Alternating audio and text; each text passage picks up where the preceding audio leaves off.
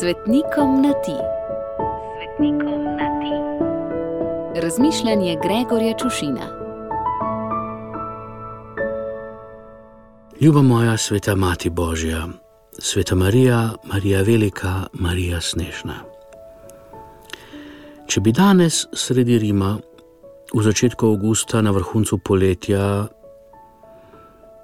ko zaradi vročine tam da srečaš le pote puške, pse in turiste, padal sneg, bi se oglasili vsi svetovni mediji. V poletnem pomankanju novic bi senzacionalistično poročali o globalnem segrevanju in klimatskih spremembah, in posledično bi se v vseh večjih mestih na svetu zbrali vsaj okoljevarstveniki, še raje pa vsi, kot jim jaz rad rečem, profesionalni protestniki, ki jim sploh ni mar za kaj gre, samo da je shod in da se protestira.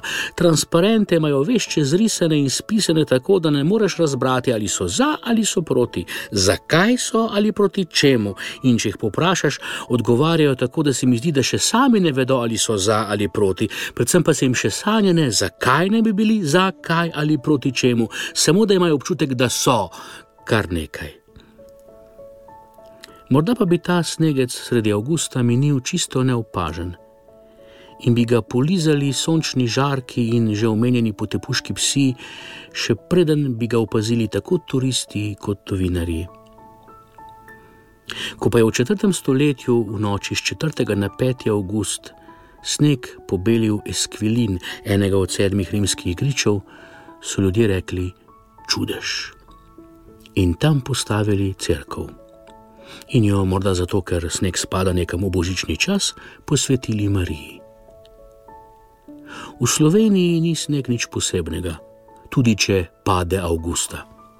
V Sloveniji pada marsikaj in so tako nekoč, pa spet ne tako daleč nazaj, padale tudi cerkve. In je tako padla tudi cerkvica posvečena tebi, Marija Snežna. Na Krederici, kjer sneg obleži vse leto, je kar čez noč obležala kapela, ki jo je dal postaviti sam Jako Paljaš. In je trajalo 40 let, toliko, kolikor je izvoljeno ljudstvo blodilo po puščavi po prehodu skozi Rdeče morje da je zopet zrasla. Pa ne bi o rdečem morju, ne o belem snegu. Je to pretežka tema za počitniški avgust. Ljuba moja Marija Snežna, obilo žegna ob tvojem godu, pa nam ga vrni, da nas bo osvežil in ohladil kot sneg sredi avgusta. Gregor.